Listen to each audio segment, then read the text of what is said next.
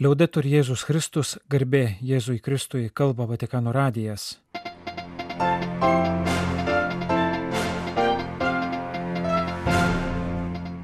Malonus klausytojai šioje programoje. Popiežiaus sveikata gerėja, įvyko Pranciškaus susitikimas su Paragvajaus prezidentu. Šventoji Teresė iš Lizie ir UNESCO. Karo žala Ukrainai ir neregimas karas Mienmare.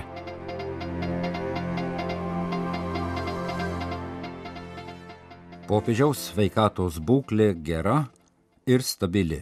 Pranciškus gydosi nuo plaučių infekcijos, tačiau nekarščiuoja. Kvepavimas akivaizdžiai gerėja. Atsakydamas į žiniasklaidos klausimus, pareiškė pirmadienį lapkričio 26 rytą Matėjo Brūnį, Šventojo sostos spaudos salės direktorius. Popiežius pirmadienio rytą audiencijoje priėmė Paragvajaus prezidentą. Sekmadienį popiežius vadovavo tradiciniai vidudienio maldai, ne iš kaip įprasta apaštališkųjų rūmų Šventojo Petro aikštės lango, o iš savo namų Šventosios Mortos rezidencijoje Vatikane. Popiežius ištarė sveikinimo ir palaiminimo žodžius, o apmąstymą ir sveikinimus perskaitė valstybės sekretoriato prelatas. Popiežiui laiminant buvo aiškiai matomas ant rankos priklijuotas intraveninis injekcinis vamzdelis. Matėjo Brūnį informavo, kad kompiuterinė tomografija neparodė plaučių uždegimo, bet aptiko infekciją, dėl kurios popiežiui buvo sunku kvepuoti. Siekiant didesnio gydimo veiksmingumo, buvo pritvirtinta adata kaniulė intravenciniai antibiotikų terapijos infuzijai. Pirmadienį ji jau buvo nuimta. Be to, Matėjo Brūnį informavo, kad buvo atidėti kai kurie svarbus popiežiaus įsipareigojimai, tačiau atsižvelgiant į popiežiaus savijautą, turėtų įvykti kai kurie instituciniai ar lengvesnio pobūdžio įsipareigojimai. Per sekmadienio vidudienio maldos susitikimą popiežius užtikrino, kad penktadienį gruodžio pirmąją išvyks į Junktinių tautų organizacijos klimato kaitos konferenciją COP28 Dubajuje ir paprašė maldą lydėti šią kelionę. Pranciškus sekmadienį Vatikano prelato perskaitytame tekste taip pat priminė, kad ateinantį šeštadienį kalbės Dubajaus COP28 konferencijoje.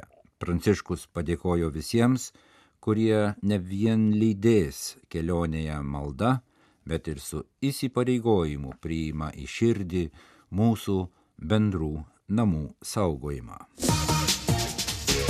Lapkričio 27-ąją pirmadienį popiežius Pranciškus Vatikane priėmė Paragvajaus Respublikos prezidentą Santiago Pena Palacijos, kuris po to susitiko su popiežiaus bendradarbiais popiežiaus valstybės sekretoriumi kardinolu Pietro Parolinu ir santykių su valstybėmis sekretoriumi arkivyskupu Polu Galageriu.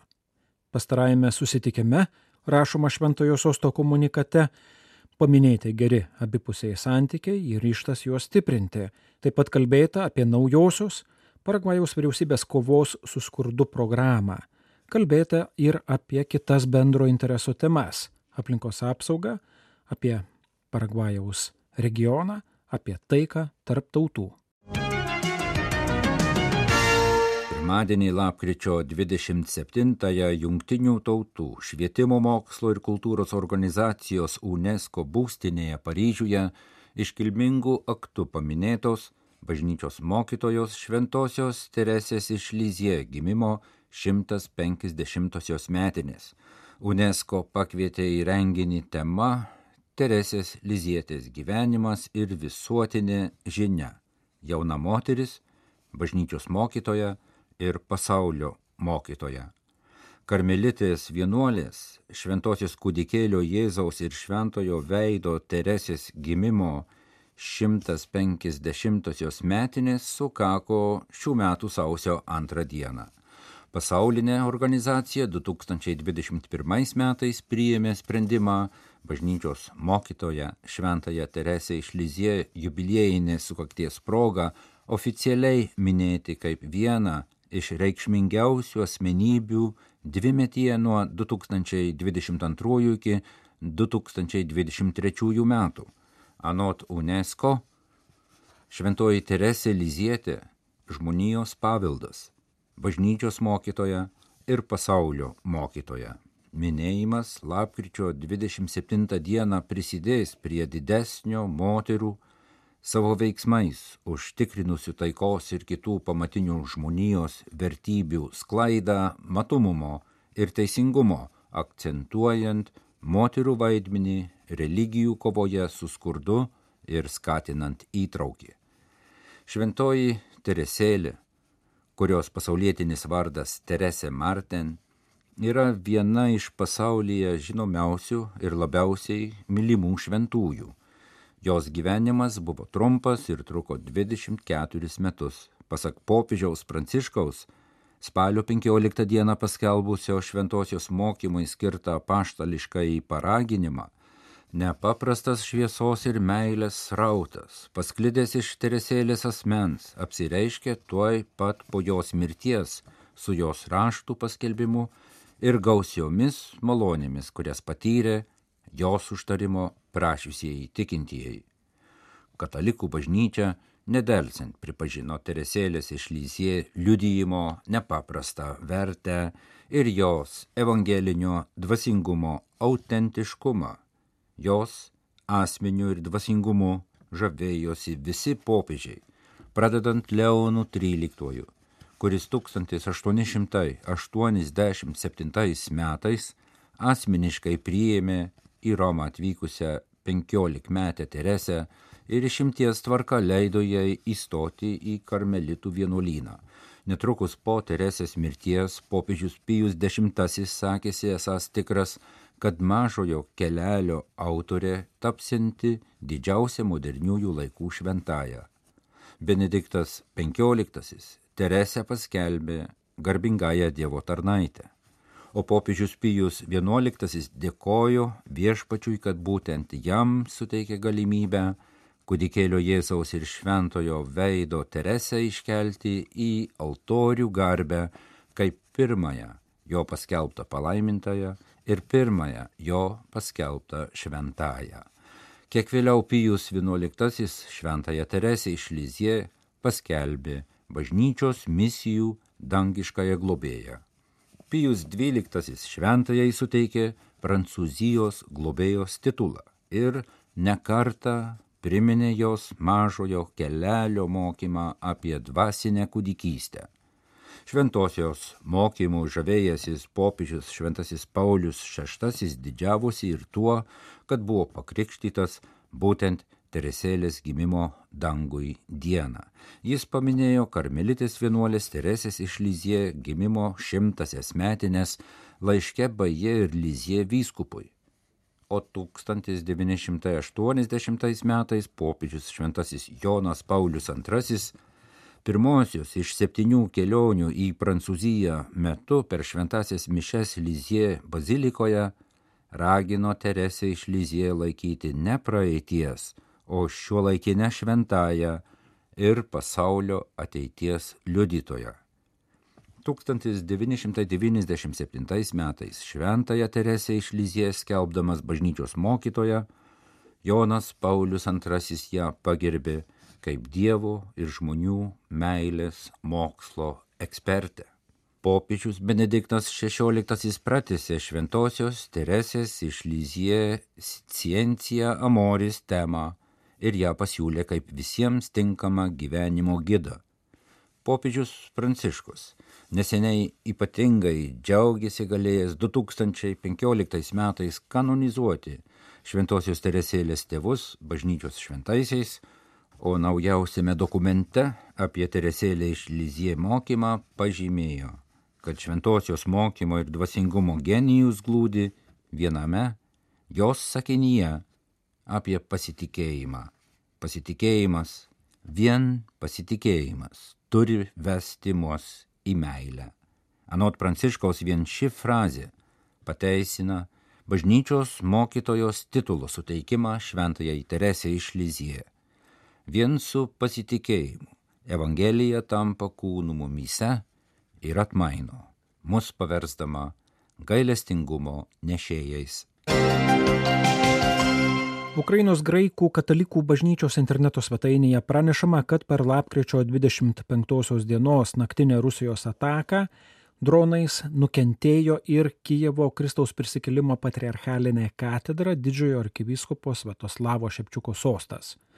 Pranešime pasakojama, kad Ukrainos sostinės oro gynyba tą naktį numušė apie 60 dronų. Vieną iš jų virš Kristaus prisikėlimo patriarchalinės katedros kvartalo.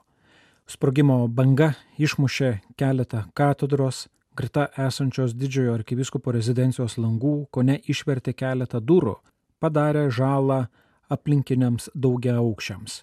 Oro pavojaus sirenos pradėjo veikti trečią nakties ir nutilo tik apie 9 ryto. Tai buvo viena iš didžiausių Kijevo oro atakų nuo Rusijos agresijos pradžios. Pranešimas Ukrainos graikų katalikų bažnyčios interneto svetainėje iliustruotas nuotrauka su katedros teritorijoje nukritusių susprogdintų drono gabaliukų. Tačiau, žvelgiant į bendrą karo panoramą, galima sakyti, jog katedrai pasisekė Tiek Ukrainos valstybės, tiek tarptautinės organizacijos dokumentuoja įvairius Rusijos nusikaltimus, įskaitant istorinės, kultūrinės ir religinės reikšmės paveldo naikinimą. Junktinių tautų agentūra UNESCO skelbia nuolatos atnaujinamą sąrašą apie tokią žalą Ukrainai, kurią galėjo pati patvirtinti. Po lapkričio 15 dienos atnaujinimo šiame sąraše įrašyti 329 objektai, 125 religinės paskirties pastatai, 143 istorinės arba meninės vertės pastatai, taip pat 28 muziejai, 19 paminklų, 13 bibliotekų ir vienas archyvas. Pačios Ukrainos valdžios sąraše nukentėjusių religinių pastatų yra daugiau, nors kartai žala gali būti palyginus lengvai pašalinama, kaip kad išdužę langai. Nors yra sugriautų bei apgadintų mečečių ar sinagogų, didžioji dalis sunaikinto religinio paveldo yra ko ne visoms krikščioniškoms krašto bendruomenėms priklausiusios bažnyčios bei maldos namai. Didesnė ar mažesnė žala padaryta lutynų ir graikų apieigų katalikų, Ukrainos savarankiškos ir su Maskvos patriarchatu susijusių ortodoksų bendruomenių, baptistų, sekmininkų ir kitų protestantiškų bendruomenių maldos namams. Kai kurie buvo pastatyti neseniai, o kiti nacionalinio paveldo bei senų architektūrinių ansamblių dalis, kaip kad Harkivo, Kievo ar Odesos bažnyčios. Kievo ekonomikos mokykla vertina bendrą karo žalą Ukrainai ir 2023 m. rugsėjai mėnesį paskelbtoje ataskaitoje mini bent 150 milijardų dolerių žalą. Sugriauta apie 147 tūkstančiai privačių būstų, virš 19 tūkstančių daugiabučio, 344 tiltai, 18 oro uostų, apgadinta 25 tūkstančiai kilometrų kelių, sunaikintos 426 didelės ir vidutinės gamyklos, privačios arba valstybinės, žala padaryta maždaug 3500 ūkdymo įstaigų nuo darželių iki universitetų sugriautos arba apgadintos 384 ligoninės bei 352 mažesni sveikatos apsaugos centrai ir punktai. Tačiau tai tik tiesioginė žala. Žala taip pat patiriama dėl to, kad dėl pavojaus ar dėl būtinybės bėgti buvo uždaryta daugybė didelių ir mažų verslų, prarastos ir toliau prarandamos rinkos, netenkama kvalifikuotų darbo rankų, didžiuliai žemės plotai nebėra įdirbami. Nuo karo nukentėjo per 3 milijonus hektarų miškų, tarp kurių ir vertingų draustinių, bei visos juose gyvenusios gyvybės formos. Aplinkos išvalymo ir atkūrimo darbai truks dešimtmečius.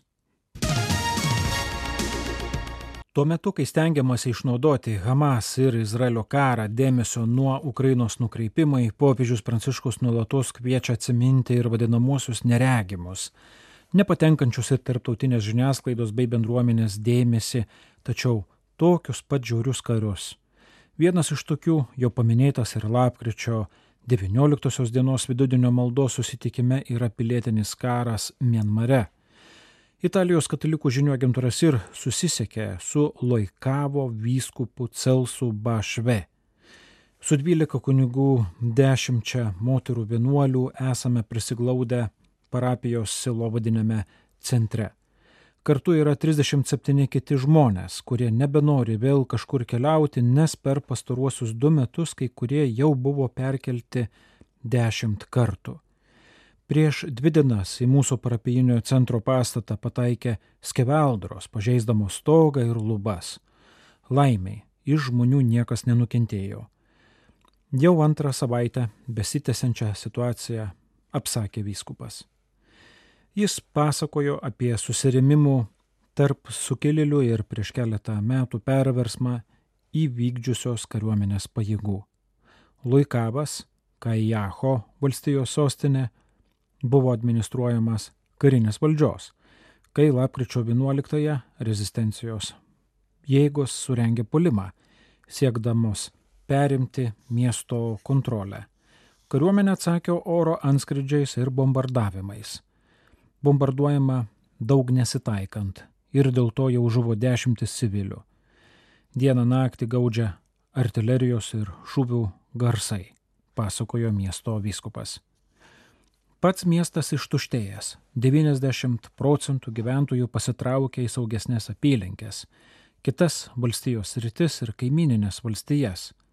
Lapkričio 11-ąją į Kristaus karaliaus katedrą suplūdo apie 1300 asmenų Daug iš jų buvo seneliai, moteris su vaikais, ligoniai. Per savaitę laiko, pasakoja vyskupas Celsas Ba Šve, pavyko juos grupėmis perkelti į saugesnės parapijas, padėjo ir nevyriausybinės organizacijos. Kitur išvežti ir vyresnio amžiaus kunigai bei vienuoliai.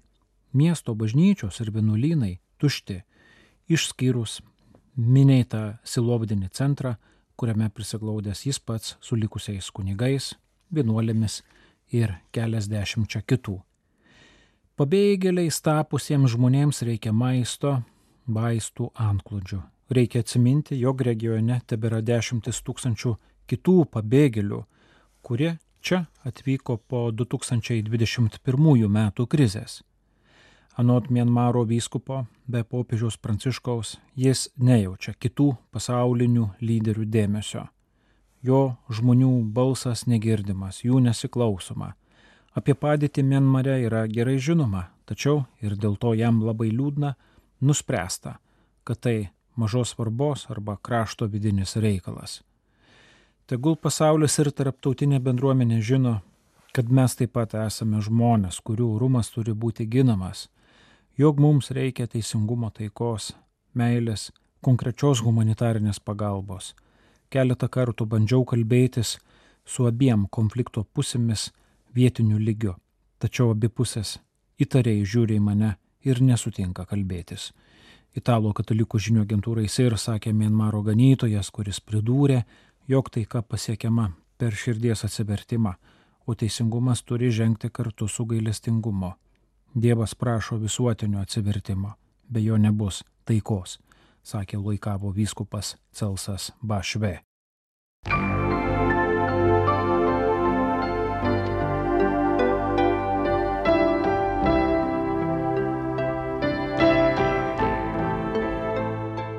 Malonus klausytojai laidą lietuvių kalbą baigiame. Kalba Vatikano radijas. Garbė Jėzui Kristui, liaudai turi Jėzus Kristus.